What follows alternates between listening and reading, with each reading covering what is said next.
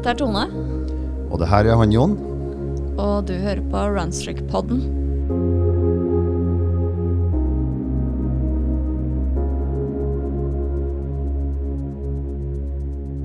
Da var vi tilbake i Runstreak-podden her Ja. på Deichmanske. Ja. ja.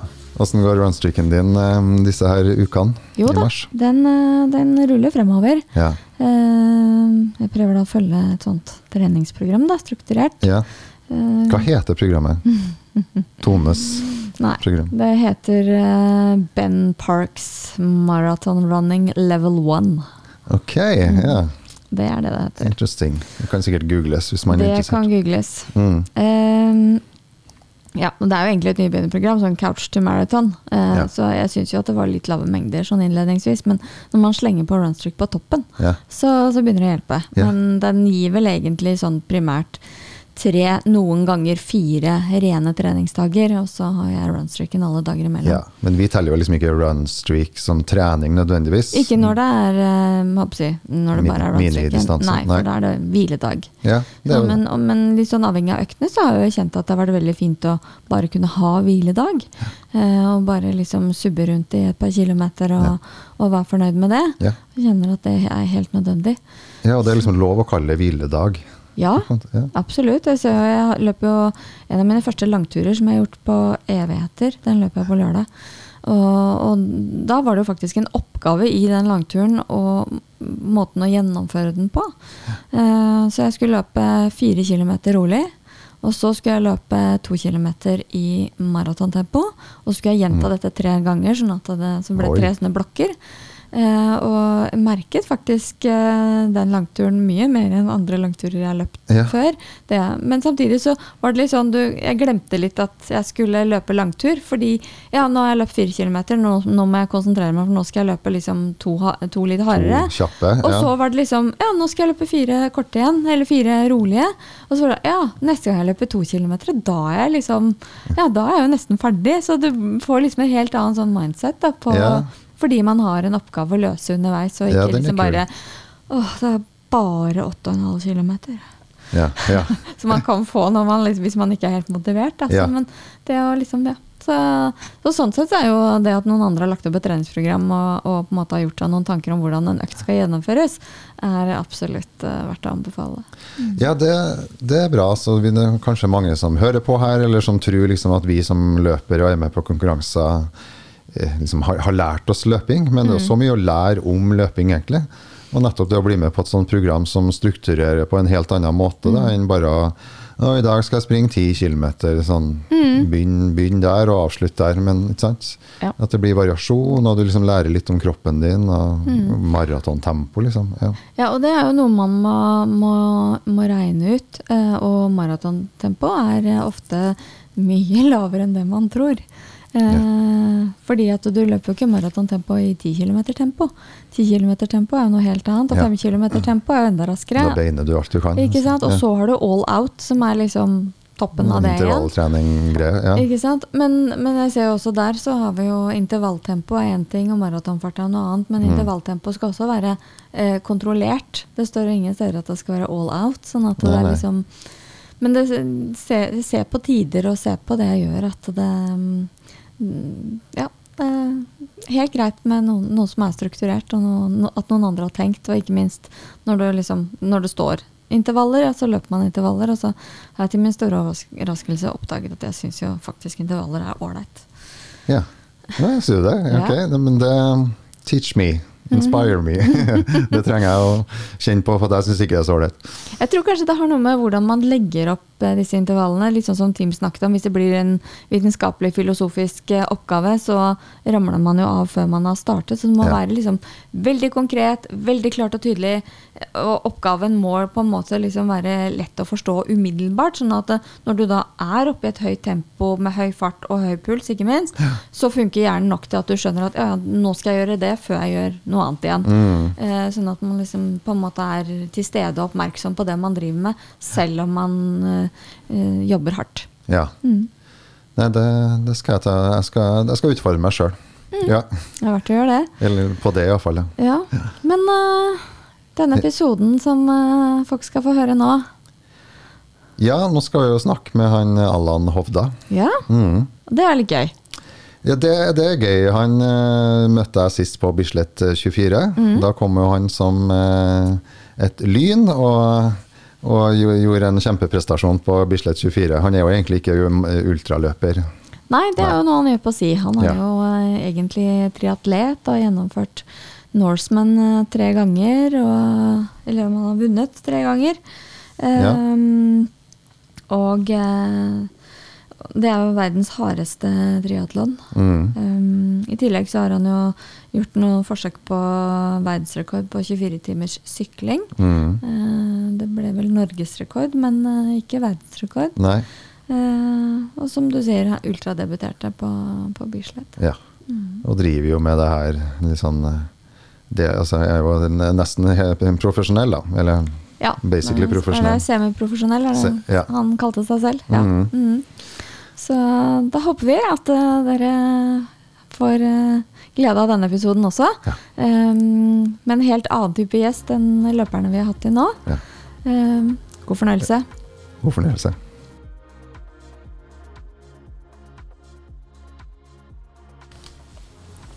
Ja. I dag så har vi med oss en ny gjest. Allan Hovda. Velkommen. Takk skal du ha. Det, var, det veldig hyggelig å bli invitert eh, til, til å være med på, på podkasten, så, det, det blir moro. Ja, veldig hyggelig. Ja, og vi, eh, vi er samla på Dekmanske. Det er her vi spiller inn. Og du bor jo rett i nærheten. Ja. Det er ikke mm, Det er vel kanskje 300 meter ifra, tror jeg. 350. Så Ja. det er veldig Det er veldig Ja, jeg løper forbi her hver, hver løpetur. Går, uh, går Ja. forbi Deichman, og så rundt Akershus festning, og så uh, til til Frognerkilen, og så eventuelt eh, videre, eller eh, rundt Bygdøya og tilbake. Så Ja, sånn fast runde. Mm, Ja, eller fast strekning fram og tilbake. Det er veldig mye eh, der. Altså Hvis jeg løper 1 km intervaller, så løper jeg det fram og tilbake eh, fra eh, det der Bygdøy, Bygdøykilen og Dronningen, eller Så mm, ja. Det, det er egentlig ganske, ganske flatt og fint. Ja. Og oversiktlig, da. ja. Skal vi begynne med litt eh, bakgrunn også? Ja, det kan vi gjøre. Du er uh, utgangspunktet triatlet. Ja. Begynte i 2009, hvis jeg har fått med meg riktig. Ja da, du har eh, gjort researchen din, så det var eh, to, 2009 jeg, eh, jeg bestemte meg for å på en måte Eller ble lurt av kollegaer da, kanskje, til å melde meg på Norseman. Ja, sånne Ah, ja. kolleger, altså. Det dårlig Ja. innflytelse. Ja, det var Ja, han, han spesiell, eller han spesifikke kollegaen, og han hadde vært support for en kamerat eh, Ja. som hadde fullført Norseman to ganger. Ja. Sant? Og det var jo, jeg så jo på Norseman som helt umulig. Uh, og tenkte at det går jo ikke an. Og så viste jeg han en video og så bare sånn, det er jo helt sjuke i hodet, de som holder på med det. her. Og så var det sånn, nei, nei, han hadde hatt- en kamerat som hadde vært med to ganger, og det hadde gått greit. Og han mente at jeg var bedre trent i utgangspunkt enn han kameraten, så da ble jeg liksom Ja, tenkte jeg, da får vi prøve, da. Og det var jo det siste året de hadde på en måte first come, first serve. Så da var det bare til å være på knappen når, du, når de åpna deg ja, nemlig. Hva, hva er egentlig Norseman for eh, de som ikke vet det? Ja, dette er jo en løpepodkast, så Norseman er jo en, en ja, triatlonkonkurranse eh, som eh, Ja. eh, foregår i Norge, som er mm, Det er jo en helt spinnvill konkurranse sånn i utgangspunktet, for du har eh, Ironman distansekonkurranse, så det betyr det er 3,8 km svømming. ja. Og så det er 180 km eh, sykling, og så avslutter du med å løpe en maraton. Mm. Og det som er spesielt med norsemen, da, er at du svømmer i Eidfjorden. Eh, altså innerst i Hardangerfjorden. som er inn til Eidfjord. Og så sykler du over Hardangervidda, eh, og så mot Austbygda. Og derfra da så bytter du til løp, og så løper du langs Tinnsjøen, og så avslutter du på en måte opp til Gaustatoppen. Så du eh, ja. Det er en ganske ja, skal si, hissig eh, høydeprofil, da. Eh, Kan man jo si. Ja, det er det jo. Og i tillegg til værforholdene. Sant? Og mm, det er sant, det kaller seg hatt, null grader. Ja. For det foregår på sommeren, eller? Mm. Ja. Det er Eller august. første uke i august. Ja. ja. Mm. Ja, den er brutal, den delen, den siste delen opp, eh, opp til Gaustatoppen i hvert fall. Ja, ja, men da kan man jo stå der da og heie, selvfølgelig, på de som Ja. Ja, ja, altså hvis, er, hvis man er i området i begynnelsen av august, så er det veldig det er morsomt å dra til dra til å se på. For det, den den kaller asfaltveien, som når det begynner å stige, som det går veldig Det er veldig bratt, egentlig. Eh, for det er jo totalt sånn 1800 høydemeter stigning på løp, og det er Alt er jo etter 25 km, så da går det ganske opp. Og det man kaller den stigningen der zombiehill, da. Ja. For folk ser jo litt medtatt ut. Sånn, Mildt sagt.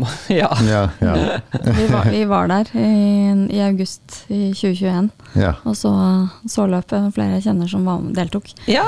Eh, Så vi, vi, gikk, vi gikk opp til Gaustatoppen og fikk med oss uh, de tre første som kom opp. Ja. Veldig veldig gøy, og det var jo, da var det så skiftende skydekke at det vi skiftet mellom å se toppen og overhodet ikke se hånden foran seg. Mm. Så det var uh, imponerende. De som kom opp, og de var rimelig medtatte når de kom på toppen. Ja, det kan være ganske røffe forhold, eh, forhold der på, på fjellet. Det var flere som var veldig glad for at uh, den der banen faktisk funket denne gangen. Ja. Man kunne kjøre ned igjen ja, inne i fjellet. Ja, den er veldig, veldig fin. Så, det, så det er en konkurranse som tar hvor mange timer sånn for, sånn, for den vanlige deltakeren? Eh, For den vanlige deltakeren Nei, det er, ikke, det er ikke godt å si. For de beste ti timer. For de Ja. tregeste tror de har cutoff på 20 timer. 20, ikke sant? Ja, om det jeg er ikke helt eh, Og det er mange som bryter også, sikkert. da. Eh, Ja, det er jo det. Du har cutoff på, på svømming. Eh, sant? Og du, hvis du ikke Hvis du ikke har trent nok svømming, da, så, så ryker man gjerne der. Eh, spesielt på de tøffe, tøffe årene. Og så er det cutoff òg på, på sykkel, og så på eh, når du kommer til tror jeg, 32 km, da, som bestemmer om du får løpe opp til fjellet, opp til toppen, eller om du må avslutte på Gaustablikk. Mm. Så eh, det mm, Ja, det er veldig stor variasjon, da, kan man jo si. Det kommer sikkert an på årene også, altså hvor, type vær man får. Om det er for kaldt eller for varmt, eller om det blåser i alle retninger og regner. Og Ja, det er egentlig veldig. Så på, sånn, i fjor så var det et mer sånn Det var ganske røffe forhold, da. Og det er jo egentlig mer normalt. Man har jo sånn unormalt fint i både liksom 17, 18 og 19. Så det at du har tre år med unormalt fint vær, da blir det kanskje en ny normal, da. Men uh, i 21 så var vi tilbake til møkkavær igjen. ja. Ja Sånn det var som jo eh, hardt over Hardangervidda annet. Det blåste jo sidelengs. Eh, Ja, jeg tror man var vel kanskje opp i sånn 15-20 sekundmeter motvind i kastene. Ja. Sant? Og det Ja. Det, det går nesten ikke framover. Ja. Men eh, du har også prøvd å sette uh, norgesrekord, eller egentlig slå verdensrekorden på sykling i 24 timer. Ja! Det Oi. Ja, sant. For det det var, det var et innfall jeg hadde i Det ble 2020. Sant? Når det ble koronaåret, så, så tok jeg veldig egentlig greit styring på, på situasjonen sjøl, fordi at eh, alle konkurranser ble jo utsatt, og det var på vent, og da tenkte jeg um, Jeg melder meg ikke på noen ting. Jeg, eh, for jeg orker ikke på usikkerheten. Å trene mot noe som mest sannsynlig ikke blir, og så er det jo logistikkmessig mareritt å drive med fly fram og tilbake. Så da tenkte jeg da gjør jeg det som jeg har lyst til å gjøre, som jeg ikke har fått tid til å gjort eh, i andre sesonger. da. Eh, og et av de var å sykle 24 timer. Så langt som mulig. Eh, og da Det var, tok, det var i 2020, da. Eh, så prøvde jeg å ta norskrekorden eh, på, på den distansen, og det var ikke Han som hadde gjort det, var, gjorde det jo på en landeveissykkel, liksom. Mm. Og han, var jo, han er jo en veldig god syklist, så det, er ikke, det var ikke noe med det, men det var ikke det, du kan ikke sammenligne med å sykle på en temposykkel. Så jeg slo vel den norske rekorden med en 120 km. Så var det vel Ok. 889 km sykla jeg på 24 timer. Så snittfart på 37,1. Ja. Sant? Og, og det var jo Det var jo da om det var 20 Jeg vet ikke. Det var relativt nærme verdensrekorden. da. Og forsøket var jo på en måte Det var jo ganske dårlig forberedt i den forstand at det var det var gjort på en, en Mens vi var på sommerferie, og så var det liksom supporten Det var jo mamma da som kom på en måte bestemte seg to dager før at du kunne komme. For jeg hadde jo egentlig ikke noen support i det hele tatt. Så, så det var veldig mye forbedringspotensial. Så da tenkte jeg da kan jeg prøve å ta verdensrekorden. Ehm, så det prøvde jeg på i, eh, i fjor, og gjorde det på en måte ordentlig mer med å leie en raserbane racerbane. Som var Vålerbanen. Um, som vel 2,3 km runder, så du sykler da rundt og rundt da, for å få på en måte full, eh, full kontroll. Da. Eh, så det var jo ja, altså Planen var veldig god, eh, men så var problemet var at han som hadde verdensrekorden, han hadde et tilsvarende forsøk da, fire dager i forkant. Og da slo han jo sin egen rekord med 100 og et eller annet kilometer. Da, sånn at den nye rekorden var jo over eh, 1000 kilometer. Ja, nemlig. Um, og han må eh, Ja, så sånn Han, han hadde, han hadde bedre forhold, da. Og, sant? og en av de konkurransene er jo på en måte å finne best mulig forhold. Sant? Så hvis du er litt i høyden, da, så er det det. Det reduserer jo luftmotstanden, da. Ja. Ah. Eh, og det er ikke sånn, Han er veldig god uansett, altså det er ikke det, men eh, han hadde vel en snittfart tror jeg, på 42,6 eller noe sånt. Og for at jeg skulle kunne matche han, da, så måtte jeg eh, måtte jeg vel sykle på kanskje 270 watt. Altså det samme som han, da. Og så veier jo jeg, tror jeg, ja, 12-13 kilo mindre. Ja. Så det ble jo en veldig sånn umulig oppgave, egentlig. Så da burde jeg egentlig eh, ha vært veldig tydelig på at det, det går ikke an. um, um, men eh, jeg gjorde, et, altså, jeg gjorde et ærlig forsøk, da. Så jeg sykla uh, Sykla vel 18 timer før jeg kasta en håndkle på det forsøket. Ah.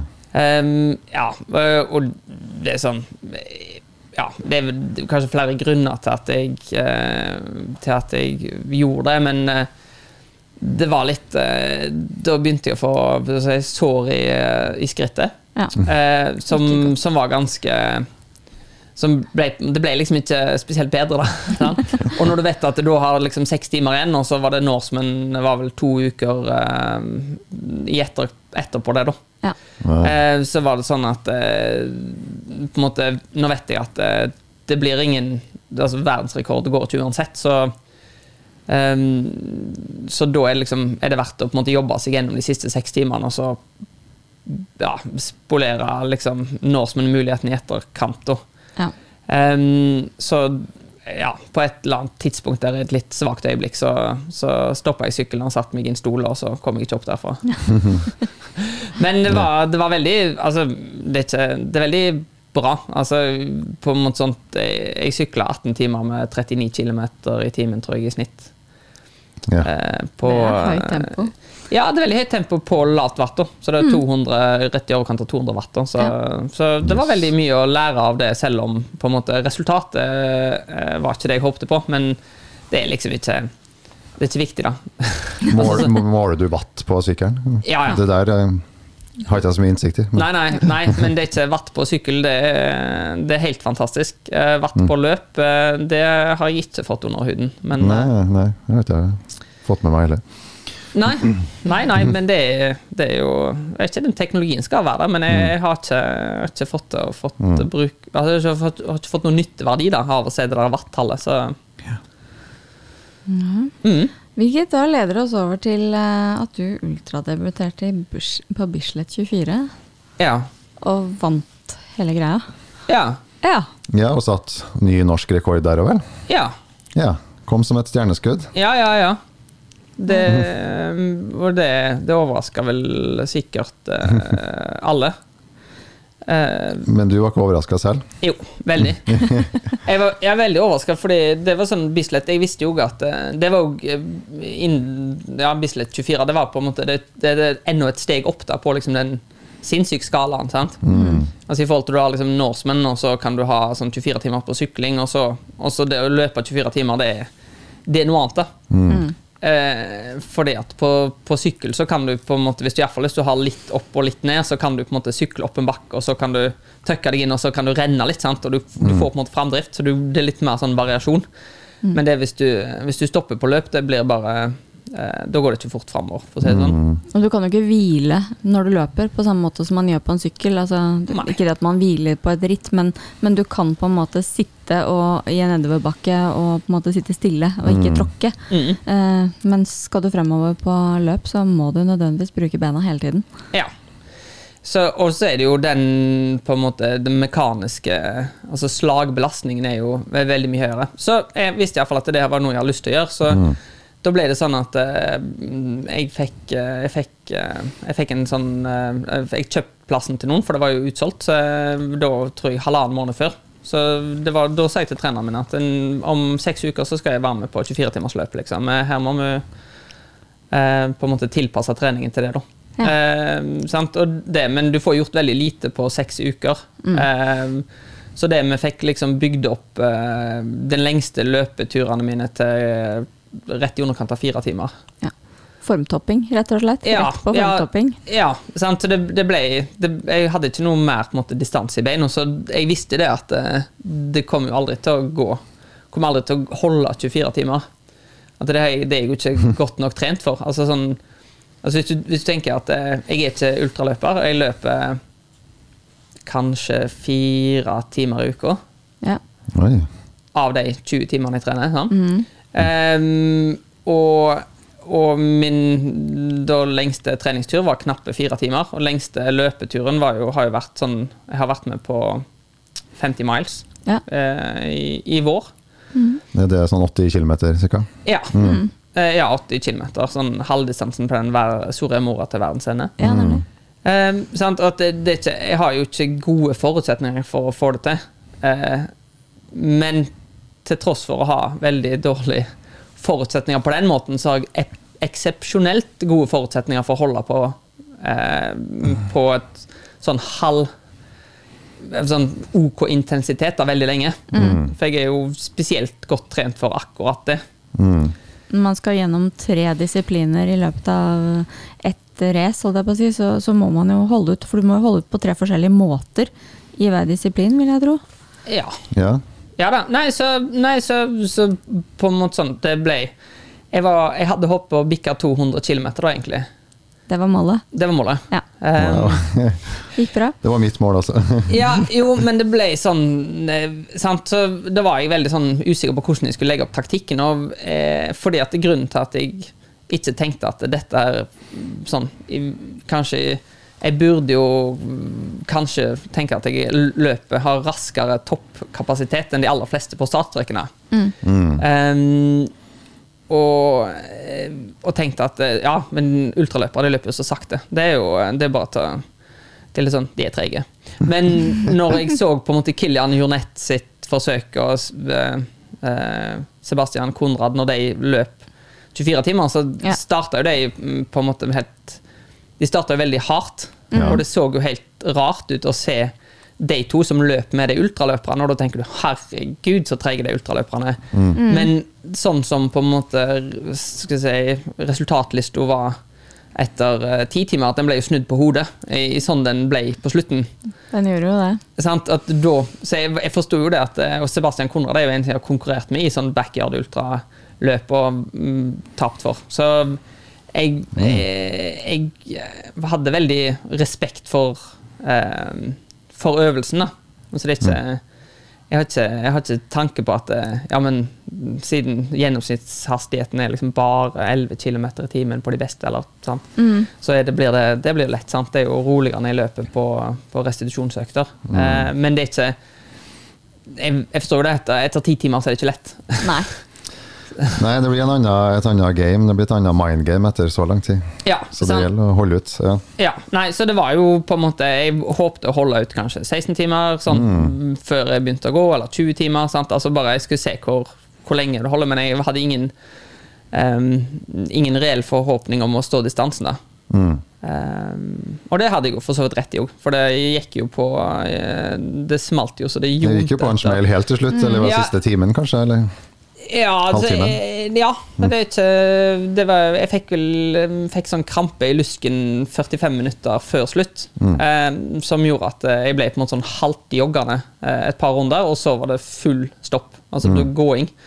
Så jeg tror jeg var oppe i 11 minutter eller noe sånt på én runde på slutten. Og det var ikke, det var ikke Og det er en 500 meter eller noe sånt. Ja, det er 500 meter, ja. Mm. så, ja, ja. Det er jo kilometertid på over 20 minutter per kilo. Nei, ja. eller, Tusla rolig. 22, Ja. 22 minutter på kilometeren blir det. ja. Og det var jo ikke, det var ikke noe um, Det var ikke en, en hastighet jeg holdt for å på en måte For jeg visste ikke at jeg hadde vunnet. Eh, og det hadde jeg på en måte heller ikke. Så, det var ikke, så jeg prøvde jo egentlig å komme meg så fort framover som mulig. Ja. Eh, mm. Ja. ja, for du havna på sykehus, liksom. så- Ja da, ja da, ja da. Så det ble eh, Ja, ja, sant. Jeg gikk over målstreken og så tenkte jeg, åh, det var deilig. Jeg fant min stol og satt ned på den stolen. Mm. Og så var kasta jeg opp på meg sjøl. Mm. og så Ja, helt til noen kom ja, ja, Og så kom noen med ei bøtte, og så la, ble jeg lagt ned fra stolen ned på bakken. Og så var det sånn jeg tror vi må ringe ambulanse. Jeg bare nei, nei, nei, nei, det går bra, det er bra. Så falt jeg litt inn og ut av bevissthet, og så bare på i båra. Så det var vel det siste jeg husker før jeg våkna på eh, Lovisenberg. Ja. Ja. Ja da. Men fikk du, fikk du rabdomyolyse? Ja. Ja, ja, du fikk det, ja. Ja. Som, altså, du hadde, det var så mye muskelvev som var brutt ned at uh, du slet med å kvitte deg med avfallsstoffer. Ja, det er sant. Eh, Nå, jeg vet ikke om dere husker referanseverdiene på det der en CK. CK. Nei, ikke i hodet. Jeg har ikke en uh, blodgassmaskiner i hodet. Nei, ikke? Nei, dere er jo sykepleiere, altså, men det er ikke, Ja, ja. jeg lurer på om det var under 500. Men jeg hadde 87 000. Ja, ja, Ja. 500, da er da de ringer ambulansen. Ja. Sant? Så på en måte 87 000 er jo en del.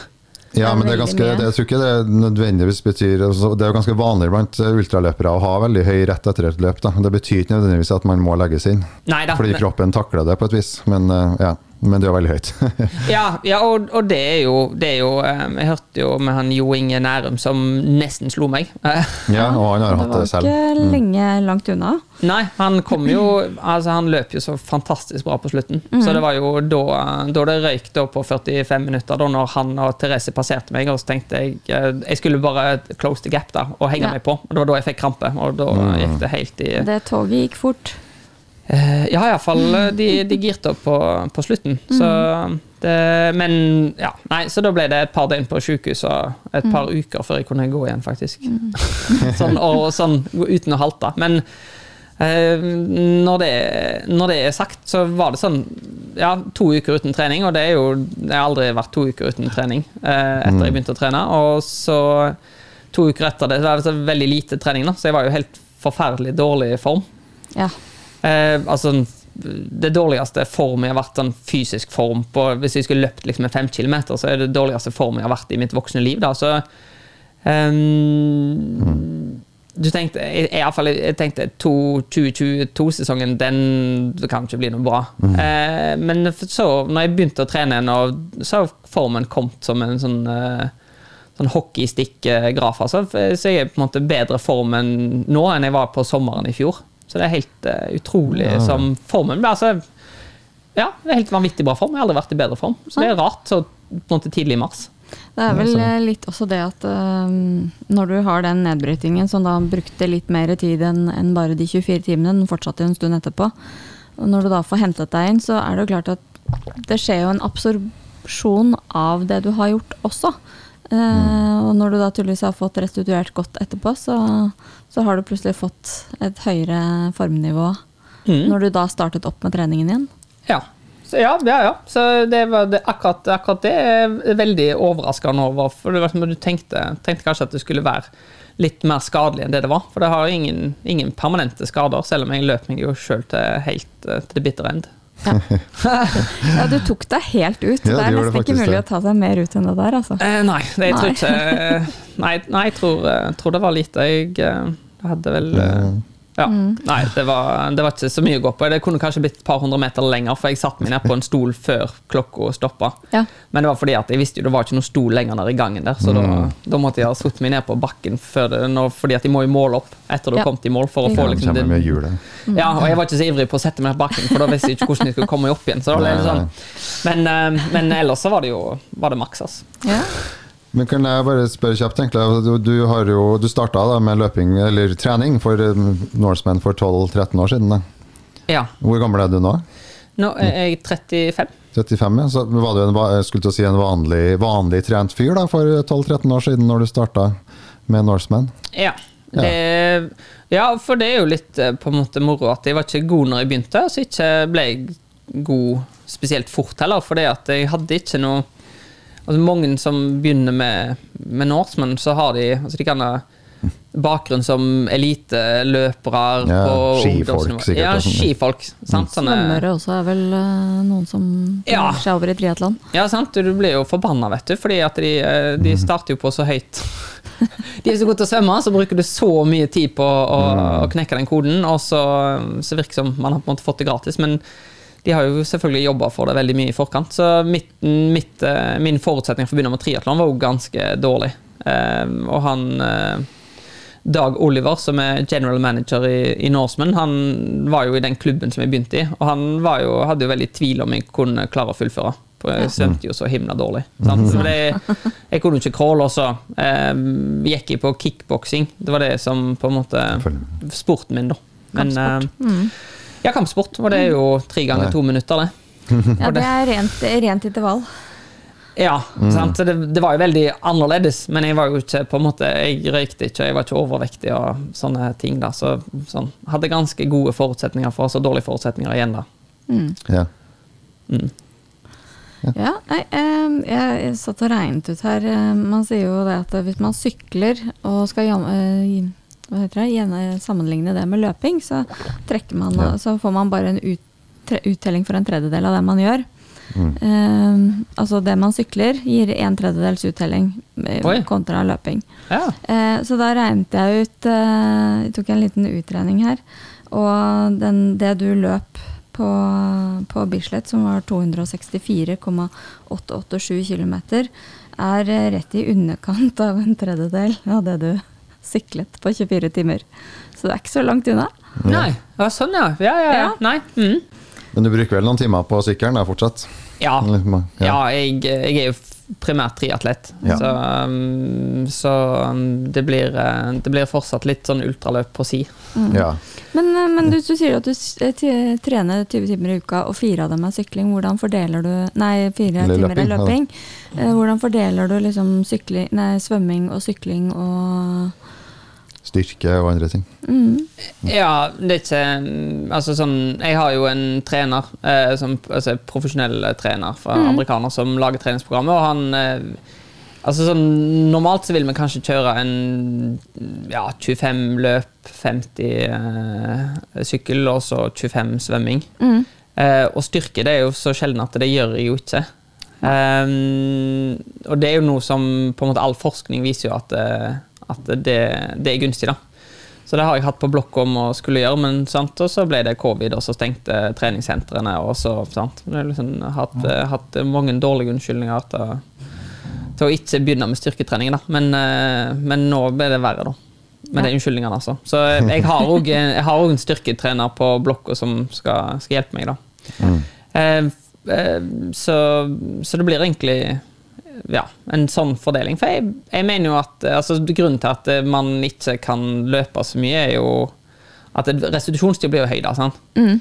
Så jeg syns jo det at eh, jeg, jeg vil tenke at mange ultraløpere vil ha godt av å kunne sykle litt mer.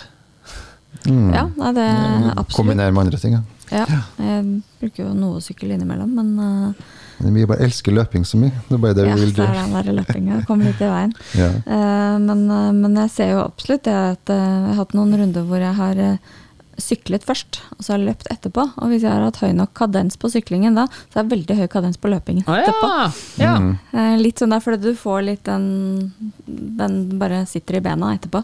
ja. Så, og også det jeg ser jo at jeg har en har liksom, det, det å sykle er forholdsvis lett, altså i den forstand at eh, um, bena er vant til å jobbe hardt. Da. Mm. Uh, spesielt sånn som når man løper oppover. Og det gjør at uh, det er mye lettere å starte sykkelsesongen uh, når jeg gjør det nå, enn når jeg gjorde det før jeg løp mye. ja. Så, så jeg tror kanskje løpingen har mer overføringsverdi til sykling enn vice versa, kanskje. Jeg vet ikke. Kanskje. Jeg vet ikke hvordan man tenker sånn. Nei, altså det er ikke Jeg, jeg tenker det mer altså, Jeg ser på mer effekten av de forskjellige, forskjellige øvelsene. Sant? Og det, det er på en måte sånn rolig langtur. Det gir jo den på en måte altså Forbedrer liksom arbeidsøkonomi og fettforbrenning og på en måte sånn det kardiovaskulære liksom, systemet. Sant? Em, og, men det å løpe fem timer gir jo helt eh, på en måte Det er veldig stor skaderisiko. Eh, og så i tillegg veldig belastende. Så du er ikke er, altså Mekanisk eh, da på en måte slag, slagbelastning er veldig høy. Mens det å sykle fem timer er jo Det er jo Man kjenner den Hvis du er godt trent, så kjenner du nesten ikke at du har gjort det dagen etterpå.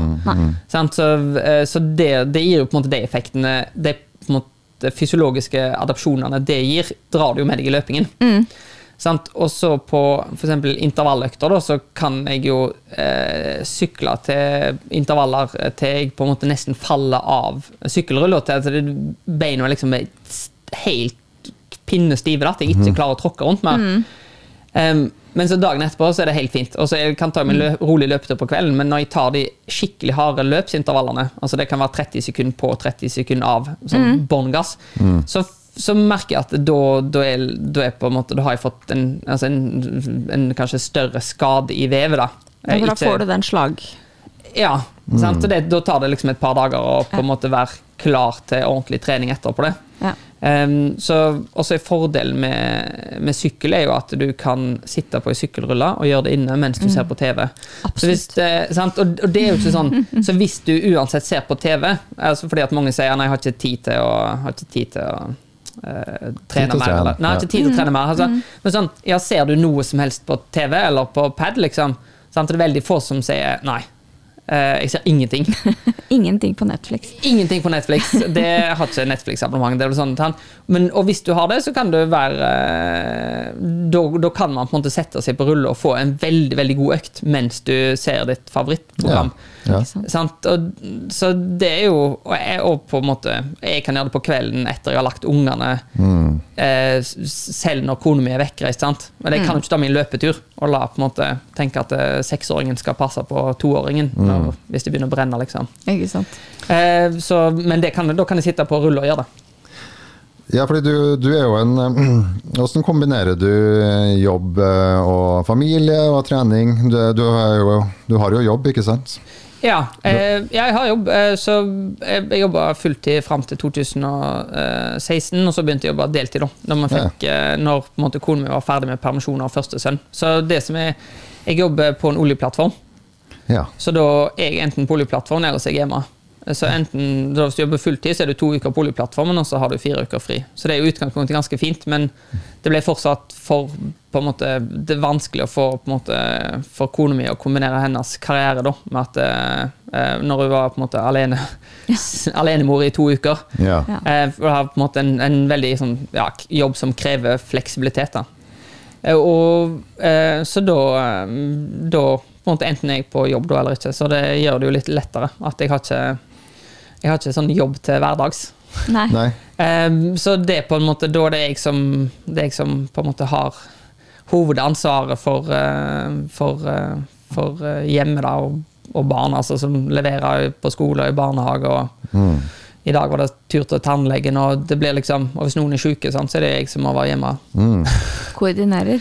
Ja, Og koordinere. Ja, jeg har liksom tatt det der tredje skiftet som normalt damene pleier å ta, og det kan jeg bare si, det, det er ganske krevende. Ja. Sånn, så hvis jeg har tre, tre timer trening på en dag, da, sånn, sånn, som, er, som er relativt normalt, så, eh, så blir det sånn på en måte levert på eh, skolen, og så leverer jeg litt senere i barnehagen, og så på en måte trener jeg. Og så går jeg kanskje og handler mat og rydder leiligheten og det vasker klær og den biten, og så trener jeg en gang til, og så må jeg hente ungene. Sant, så det er jo det, Ja. Men jeg har òg masse gode tips egentlig til hvordan å koordinere, kombinere jobb og, um, jobb og trening. Fordi at jeg får fått uh, klare å trene to til tre timer uh, hver dag når jeg er på jobb på oljeplattformen òg. Ja. Og da, og da jobber jeg jo tolv og et halvt timer skift Ja. uh, hver dag, og annenhver tur er nattskift. og Så masse, masse, masse teorier, eller ikke teorier, altså masse gode praktiske tips rundt det. jo da. Ja, for, vi- ja, vi løpere elsker jo eh, jobbstreaking, eller jobbtransport. Det er det vi gjør. Og så tenker jeg jo at det er jo, den logistikken er jo det som kanskje hindrer flest i å starte eller å fortsette. Så hvis du Mm. har, så Nå ser jeg tiden begynner å gå her men eh, jeg tenker for din del, men eh, jeg tenker at ta gjerne imot tips. Så hvis du har noen her og nå, så tar vi de. Ja, så det kanskje beste tipset er jo å planlegge. Ja, det er alltid. Sant? Og det, det blir på en måte det Altså både være bevisst på hva du bruker tid på. Så for eksempel, jeg bruker altså, i aktiv dusjtid, altså da stråler står på, så tar det under et minutt. Sant? Eh, fordi at det gjør jeg jo såpass ofte at det er veldig mye å hente på å være veldig rask på det. da. At du, altså det er alltid fra på en måte, Du har liksom en plan på hvordan du tørker deg Ja. for å tørke det raskest mulig. og det er, Gunde Svan han var også veldig god på det, så han har en video på hvordan du gjør det raskest mulig. Så ikke noe sånn kosedusj, det er en kjapp og effektiv dusj. Ja, ja, ja. Nei, det bare veldig Det går veldig fort. Eh, og så er det på en måte planlegge hva trening skal du ha altså type dagen etterpå. Altså det å legge treningsklærne klare. Yes. Sant? Og det å stå opp så det er bare treningsklærne klare, så du står opp og tar du på deg treningsklær. Ja. Ehm, eh, og det å planlegge da på en måte det logistikkmessig hvordan det skal gå opp, til å planlegge eh, ernæringen. At det er noe planlagt i forkant. Eh, sånn som for eksempel når jeg er på jobb, da, så er det ikke sånn jeg kan ikke spise middag med de andre. Fordi at arbeidsdagen er ferdig klokka sju. Og, så skal, og så begynner jeg på jobb halv sju dagen etterpå. Så hvis jeg skal spise middag da, så kan du ikke gå gjerne rett fra middag rett på trening. Spesielt ikke hvis du skal løpe. Sant? Så da må jeg ete mat to timer før de andre, så tar jeg med skål med havregryn. Ja, ikke Ja. Eh, sånn at eh, da, er på måte, da er jeg klar til treningen, og så går jeg og finner meg mat eh, når det er andre middag. finner meg mat som jeg på en måte da setter på lugaren, så spiser jeg det etter trening. nå. Det er jo litt sånn stusslig. eh, å spise Men det liksom er liksom dedikert. Ja. Nei, men altså, det, det enten, altså, enten skal du på en måte prestere, sant? fordi at mm. så, skal du få inn treningen, da, så må jeg gjøre det sånn, for ellers så må jeg spise middag, vente til middagen er fortært, så trene, Ja. og så skal du prøve å legge deg da, for å få liksom nok restitusjon. Sant? Så det er jo sånn, det er ikke vits å få gjort treningen hvis at du må legge deg klokka tolv, og så må du stå opp, eh, stå opp seks timer etterpå. Det er iallfall for lite for de aller, aller fleste. da. Så, så sånne Vær veldig sånn konkret på hva trening du skal gjøre dagen etterpå, eller, og, og planlegge det. Så, så får du så lite liksom, dødtid at du må kvitte deg med det som, som ikke er på en måte produktivitet. da. Som dusjing. Som dusjing. Ja. Ja, som dusjing og finne ut hva valg av klær du skal ha på deg, og den biten der. Ja. Ja. Det er veldig hyggelig at du kom. Veldig, veldig bra tips. Eh, ikke minst eh, så tror jeg nok mange har mye å lære på det å planlegge. ja, og jeg har lært deg masse om, eh, om treninga, iallfall fra en, eh, en semiproff. Du er jo på en måte det. Ja da. Du driver, jobber halvt og trener halvt. Ja da, det er ikke, jeg, jeg kaller meg profesjonell, altså jeg har profflisens. Ja, proff. Ja, den biten der, og det eneste grunnen til at uh, jeg ikke er helt proff, er jo Det blir jo økonomien i det. At uh, Ja. det er lettere å jobbe halv, halv, halv 50% stilling på en oljeplattform er bedre betalt enn å bruke 50% av tida på jakt av sponsorer. Så Nettopp. Ja. eh, Kost, kost ja, da Mm. kan man eh, heller kjøpe det utstyret man vil ha, og så, eh, og så jobbe litt av og til. ja, og være litt fri. Ja. Ok. Veldig bra. Nei, men tusen takk for at du kom. Og lykke til med sesongen. Ja, takk for at jeg fikk være her. Ja, tusen takk. Ja, nei, nå, nå lærte vi jo masse fra han eh, Allan Hovda. Ja, det var mye bra tips å ta med seg på slutten der av, eh, av litt sånn logistikk og, og, få treningen til å gå opp. Struktur, ja. Ja, ikke minst så tenker jeg at når, når folk som er eh, elite med jobb og barn og familie får det til, så, så burde mener man klare å skvise inn 20 minutter til en rundstrekk. Ja. ja, jeg mener absolutt at det mindsettet kan man eh, ha med seg i sin trening. Eh, Eller, og i sin treningshverdag. Og helt en vanlig hverdag med vanlig jobb og barn og, og travel eh, og forpliktelser og andre ting du skal gjøre. Det, det, det skal ikke så mye til å bare ha en sånn litt ekstra sånn, og bare leke at du er litt eliteidrettsutøver. da. Bare lek, lek liksom på liksom, så er du det litt, grann, litt sånn dedikert, og at du legger en plan, at du er litt strukturert. Og være litt sånn gæren eh, i det lille hjørnet ditt. Jeg tenker at vi har mye å ta med oss fra sånne si, Hvordan de tenker. Og det er jo Det er jo en grunn til at de er elite. De er bedre på noe som vi ikke er bedre på. Eh, men det betyr jo ikke at det ikke er overførbart, at- at man ikke kan benytte seg av eh, tips og triks som de kommer med. Ja. Eh, Så, men så jeg må jo si jeg kjenner meg igjen i det der å være oppgaveorientert når man tar en dusj. Ja. For jeg tror jeg bruker eh, i transporttid et sted rundt syv-åtte minutter mell- å gå mellom eh, kontoret mitt og dusjen på jobb. Og det gjør at du har ikke lyst til å bruke mye tid på dusjingen. Eh, så det også, har nok også en relativt kort dusjtid. Eh, mye kortere enn man kanskje tenker, tenker at damer har, spesielt damer med langt hår. Ja, ja. Så, så det er liksom om å gjøre å kutte, kutte tiden. Kutte hjørna. Ja. Ja. det er jo en prioritering. Kanskje noen syns vet du hva, det å være på badet og ha en spa, own, min egen sånn time Mm. med spa-tid, det, det er viktig for meg. Så da er det en prioritering, på en måte, og da vil jo det gå utover andre ting. Tenker, no, Noen ganger så er jo det også på sin plass når man har tid, og sånt, men det blir ingen ansiktsmaske og veldig lite pampering eh, i dusjen på jobben, gitt. Ja, ja, ja det, den er kjapp, altså. Den er kjapp. Så ja, det, Ja. det er altså særdeles eh, effektiv. Og gjerne ha en sånn plan at ting er bare lagt klart. og Mm. Bare sånn der, der, smekk, smekk, på, på med arbeidsklærne videre. Kjenner, kjenner til de planene der, ja. Ja. Man må liksom være forberedt. Så det er iallfall konklusjonen at det er lov å være litt gal. Altså Folk sier jo til oss eh, som løper ultraløp, du er gæren. Eller også det når jeg sier at jeg løper hver dag. Ja. Ok, du er liksom gæren. Det er jo litt galskap, men liksom la det være litt galskap, da. Ja, det er det, er, det er som Herodes Falsk sier, de gærne har det godt. De gærne har det godt. Vi har det. ja. Ja. Nei, men uh, har du en god eller en dårlig dag? Så har du alltid runstreaken. Og så høres vi snart igjen. Ha det bra så lenge. Ha det godt!